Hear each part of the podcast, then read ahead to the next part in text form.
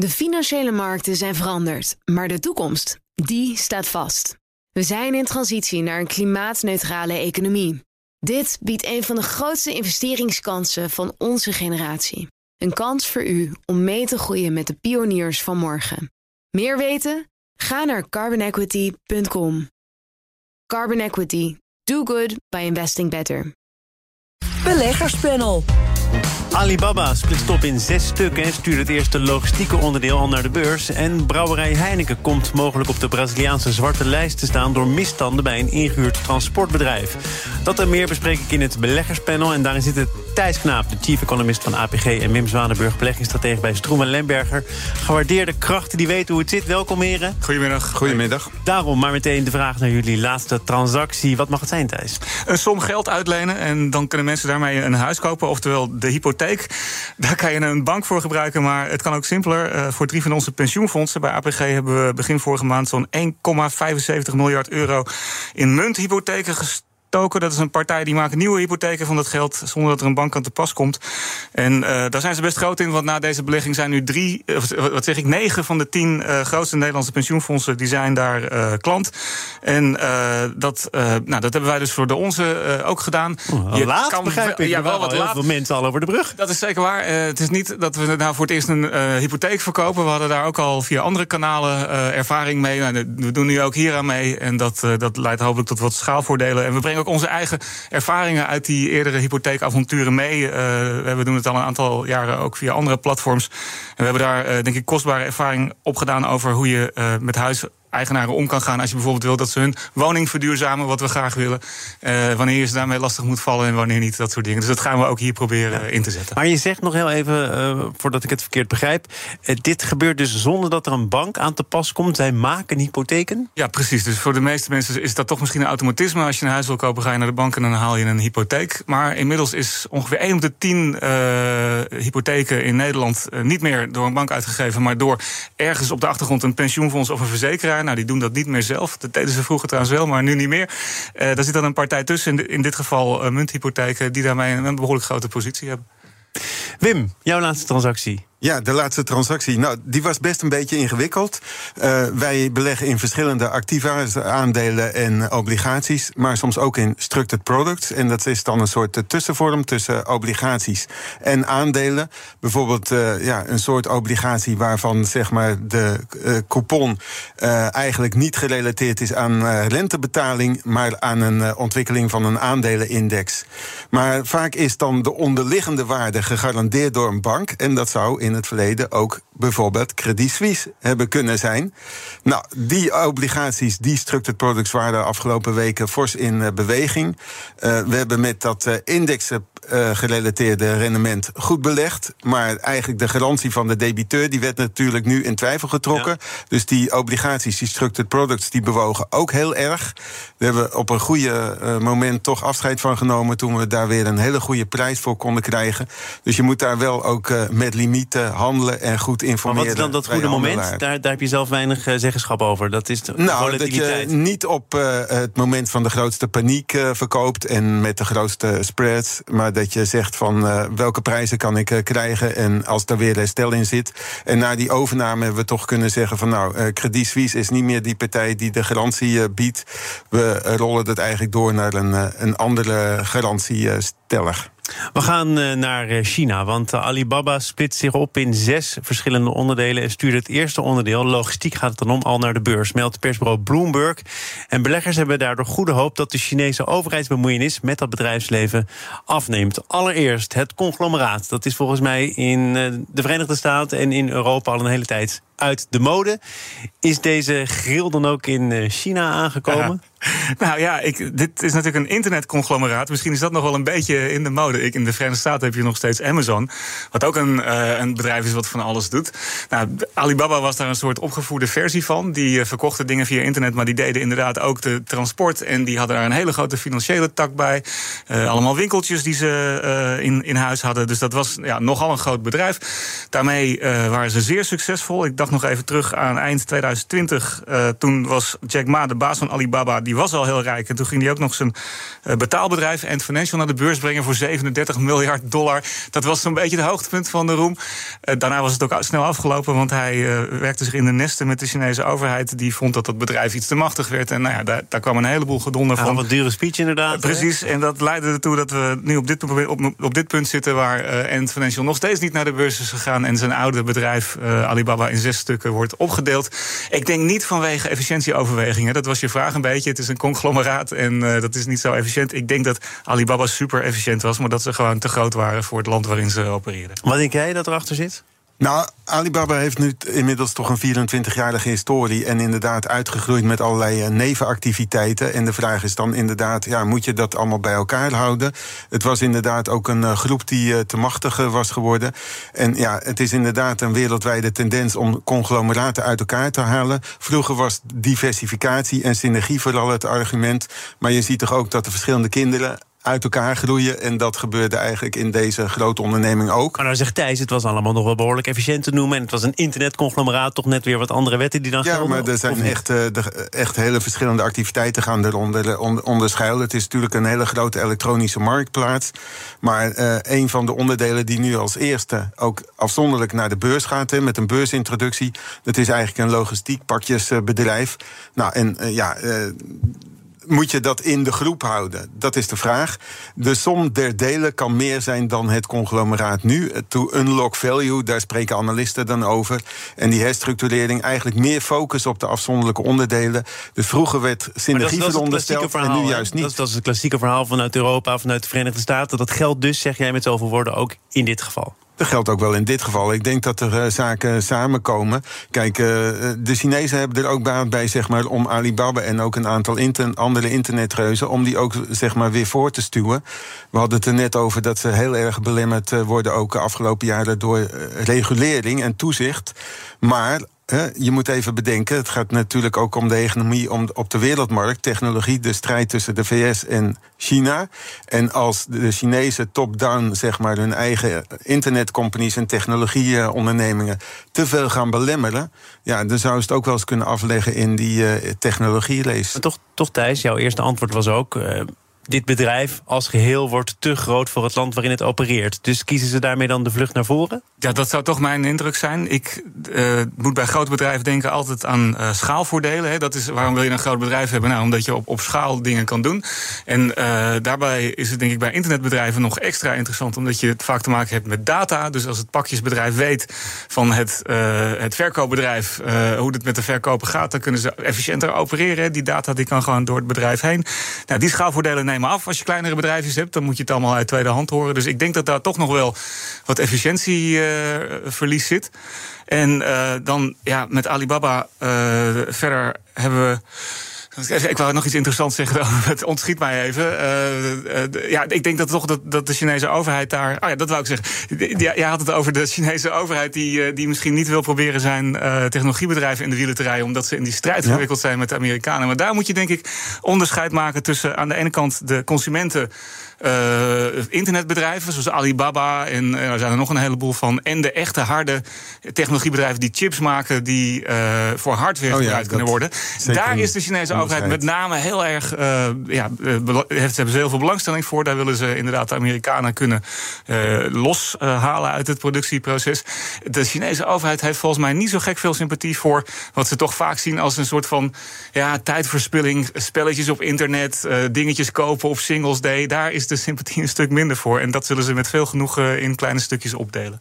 Nou, de logistiek en, en de elektronische marktplaats, die ook leidt tot innovatie en zeg maar spreiding. Hè. Common prosperity is ook een doelstelling van de Chinese overheid. Zeg maar om ook het platteland uh, te bereiken. Uh, middels uh, internetontwikkelingen. een van de onderdelen van Alibaba is bijvoorbeeld ook een clouddienstengroep. Dus het betekent toch ja, dat internet, waar ook ja, Chinezen niet bepaald achterlopen, eerder misschien wel voor dat, eh, dat, dat krijgt uh, ook een nieuwe boost met, uh, met deze stap. Dus ik denk dat het in samenspraak ja. wel met de Chinese overheid is uh, gebeurd. het is een herstructurering vanwege zakelijke overwegingen, maar ook politieke criteria spelen een grote rol.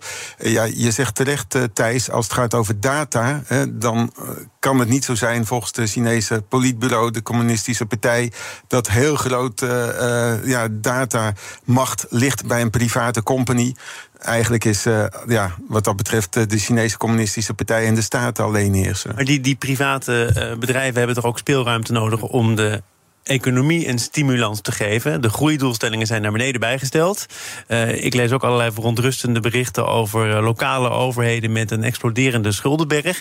Er moet dus iets gebeuren. Nou ja, dat, dat is uh, precies eigenlijk uh, waarom er ook sprake is van een zekere opluchting in, in de markt. En ook een koersprong uh, afgelopen week voor Alibaba. ja, er werd toch een beetje gehoopt op versoepeling zeg maar, van, van, van de regelgeving. En als het zaken doen in de, China, zowel vanuit het buitenland in China als voor Chinese ondernemingen zelf, te veel wordt, wordt belemmerd, ja, dan, dan ja, zal dat de economische groei van China ook in de weg kunnen staan. Denk jij van die, die economische groei eh, van China is ook ter sprake gekomen tijdens het laatste belangrijke congres van de partij. Er is een eh, premier aangesteld waarvan wordt gesteld dat hij de belangen van het bedrijfsleven beter dient. Ehm, is dat nodig om boven die, wat is het, 5% uh, uit te komen? Ja, China moet groeien. Ze hebben een doel gesteld van 5% reëel. En dat is voor ons heel erg hoog en voor de Chinezen heel erg laag. Uh, maar ze moeten dat absoluut gaan halen. Want inderdaad, wat je al zei, die schuldenberg is heel groot. En als je dan niet groeit, dan drukt dat alleen maar zwaarder. Uh, ik denk dat nu voor de internetbedrijven misschien wel geldt dat die het heel lang heel zwaar gehad hebben. En dat dat, dat zwaard wat er bovenin misschien wat, wat weggehaald wordt nu. Omdat de overheid wel klaar is. Hè. Het bedrijf wordt opgedeeld. Het is verminderd. Voor de Chinese economie als geheel zie ik toch wel de trend van de, de, de, grote leider Xi Jinping. Die zegt: Ik hou toch wel heel erg van staatsbedrijven. En ik wil graag invloed hebben overal in alle bedrijven. En dat verhoudt zich toch vrij slecht met wat je zei, zelf al zei. Bedrijven moeten speelruimte hebben. Die moeten de markt uh, kunnen, kunnen afstrijden. Dus daar uh, weet ik niet wat, uh, wat de trend is. Ik heb wel de indruk dat het misschien mooier verkocht wordt dan het daadwerkelijk is.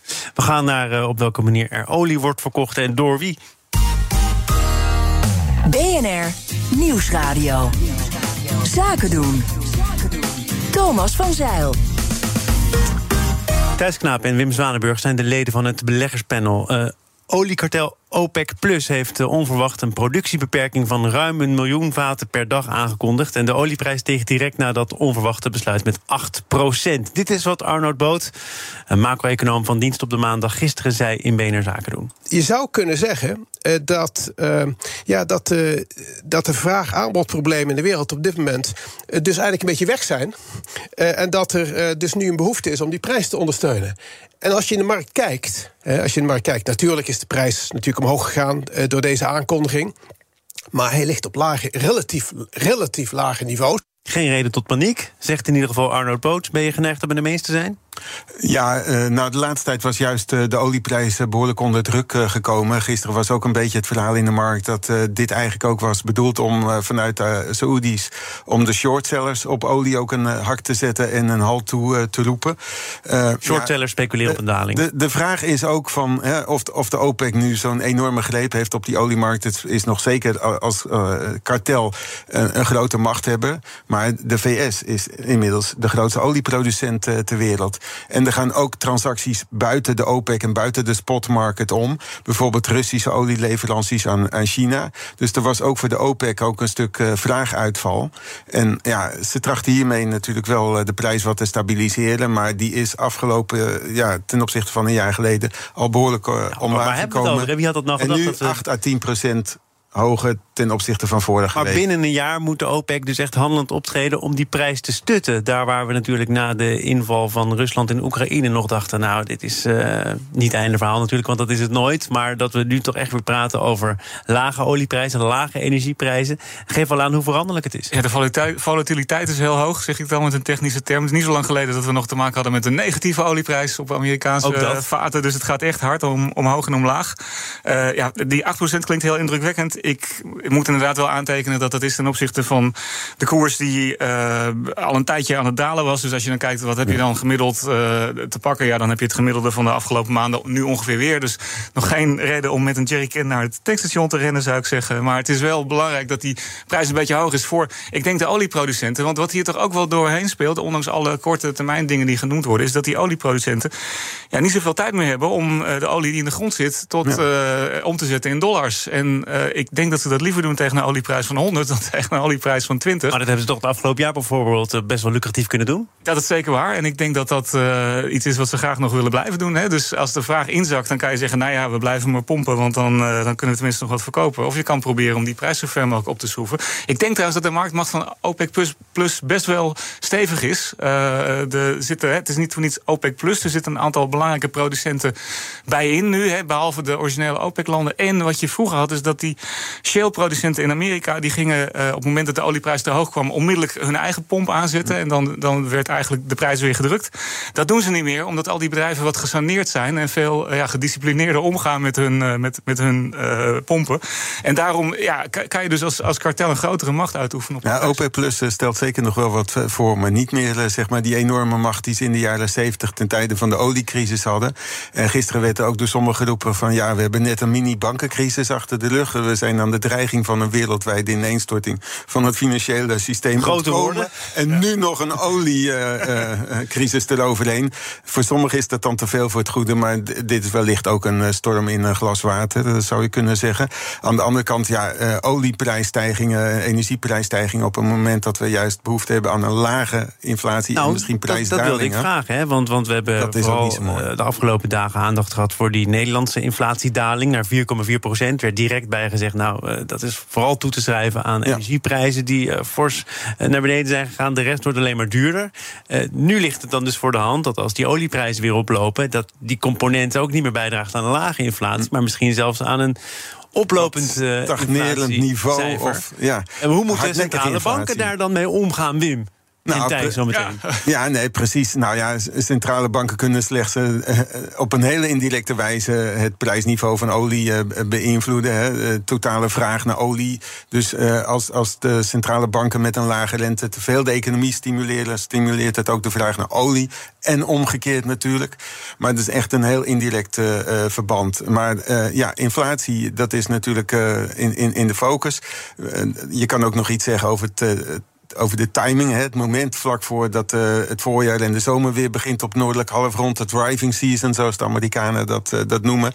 Uh, ja, er zijn consumenten nou ook niet meegeholpen met zeg maar olieprijsstijgingen. Maar het is echt vanaf veel lagere niveaus dan. Maar mijn vraag was dus: wat moet, wat moet nu de Fed doen? Wat moet de ECB doen? Ja, tenzij de ECB erin slaagt om olie aan te boren in Frankfurt Ja, onder het niks. kantoor, denk ik dat ze daar weinig aan kunnen doen. Uh, ik denk sowieso trouwens dat de zorgen van de centrale bank veel meer uitgaan op dit moment naar wat wij de, de kerninflatie noemen. De, de, waar dan de olie en de voedselprijzen niet in zitten.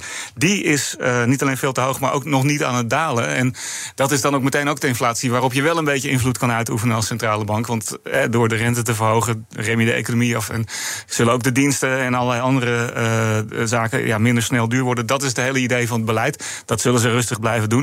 Maar het is wel fijn als de headline, dat is de inflatie waar alles in zit, dan zich wel een beetje gedraagt. En als de olieprijzen stijgen en trouwens ook eh, de gasprijzen spelen daarin een belangrijke rol, nou, dan, dan, heb je daar dan wel een probleem. Ja. Nou, ik zie hier trouwens ook het uh, mooie functioneren van de markt in, in terug. Want als de olieprijs weer te hoog wordt, dan wordt ook de vraag naar alternatieve energiebronnen ook weer uh, sterker. En uh, we moeten toch naar renewable, hernieuwbare energiebronnen. En daar horen deze fossiele brandstoffen, olie en dergelijke toch niet bij. Aan het bier dan maar. Tenminste, nu kan het nog. In Brazilië wordt het misschien wat ingewikkelder. Want Heineken loopt het risico twee grote klanten in Brazilië kwijt te raken. door misstanden bij een lokaal ingehuurd transportbedrijf. Het Braziliaanse ministerie van Arbeid dreigt de bierbrouwer, net als een andere grote brouwer, op de zwarte lijst te plaatsen. En dat betekent dat uh, onder andere grote supermarkten nu al zeggen: met Heineken willen wij, uh, als die op die zwarte lijst komen, geen zaken meer doen. En waarom is dat interessant? Nou, omdat Brazilië voor Heineken nogal interessant was, toch? Ja, sowieso. En het hele idee natuurlijk dat je een transportbedrijf inhuurt. en dat je dan als grote multinational in één keer aansprakelijk bent voor wat er allemaal mis is. Dat is toch wel even schrikken. Dat is nou ik. internationaal maatschappelijk verantwoord uh, ondernemen. Exact, ja. Dus ik vond het zelf wel een uh, interessant verhaal. Want ik zit hier natuurlijk vaak uh, met mensen die zeggen: ja, ESG, waar is dat allemaal goed voor? dat jullie als beleggers doen. Nou ja, dan kan ik nu deze casus erbij halen. Want wat je dus wel moet doen, is zorgen dat de bedrijven waar je in belegt zich goed gedragen. En niet alleen zelf, maar ook de bedrijven waar zij ze diensten, diensten afnemen. Om te voorkomen dat je in dit soort uh, ellende terecht nou, Heineken heeft al gezegd, we zijn uh, geschrokken en het is onacceptabel. Overigens hebben we onze betrokkenheid bij dat bedrijf al bijna tot het nulpunt afgebouwd. Ja. Maar dan is het kalf dus al verdronken. Ja, de, de, vraag is hoe de, uh, de, de justitie, of wat is het, het Chinese.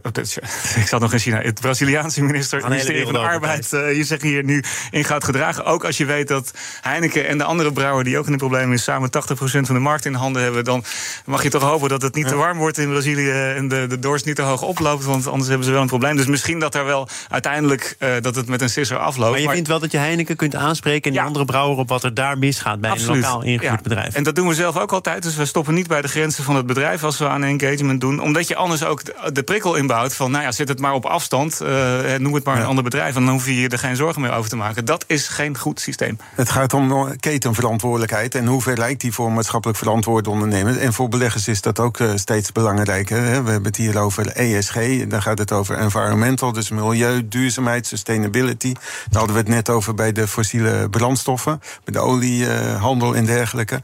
Maar de S, uh, social, het uh, beleid en goed bestuur van ondernemingen. En social dus betekent ook uh, goede werknemersverhoudingen. Het uh, totale stakeholdersmodel. en niet alleen het, de harde vorm van het kapitalisme. Want dat maar, is uiteindelijk ik, dan toch niet duurzaam dat ik, genoeg. Dat ik je onderbreek. Maar waarom ik hem nou als laatste had geplaatst in dit panel... was omdat ik gewoon eens keek naar de koersontwikkelingen van Heineken... Ja. als reactie op dit nieuws non-existent. Dus wie ja. vindt dit nu werkelijk belangrijk? Nou, wat, is, wat is belangrijker? Dat, uh, zeg maar, uh, ja, natuurlijk is sociaal beleid, maar dit ging om sociaal beleid van een transporteur, van bierkratten, leverancier aan supermarkten. Hoe ver leidt je verantwoordelijkheid van de ondernemingen? Dat is, uh, in Nederland wordt dat wat nauwer gesteld. Nou, maar, maar, maar beleggers denken bij dit nieuws dus, het, het zal mijn tijd wel duren. Ja, nou, het zal Heineken niet zo raken. Um, Heineken is een internationaal merk en heeft ook een internationale aandeelhoudersbasis. Dit was wel iets wat in Nederland op geld doen. Maar onlangs was uh, Heineken ook negatief in het nieuws. Omdat ze zich onttrokken hadden aan de exit uit, uh, uit Rusland. Ja. En daar nog uh, alternatieve Nieuwe merken, merken gelanceerd. zelfs gelanceerd hadden.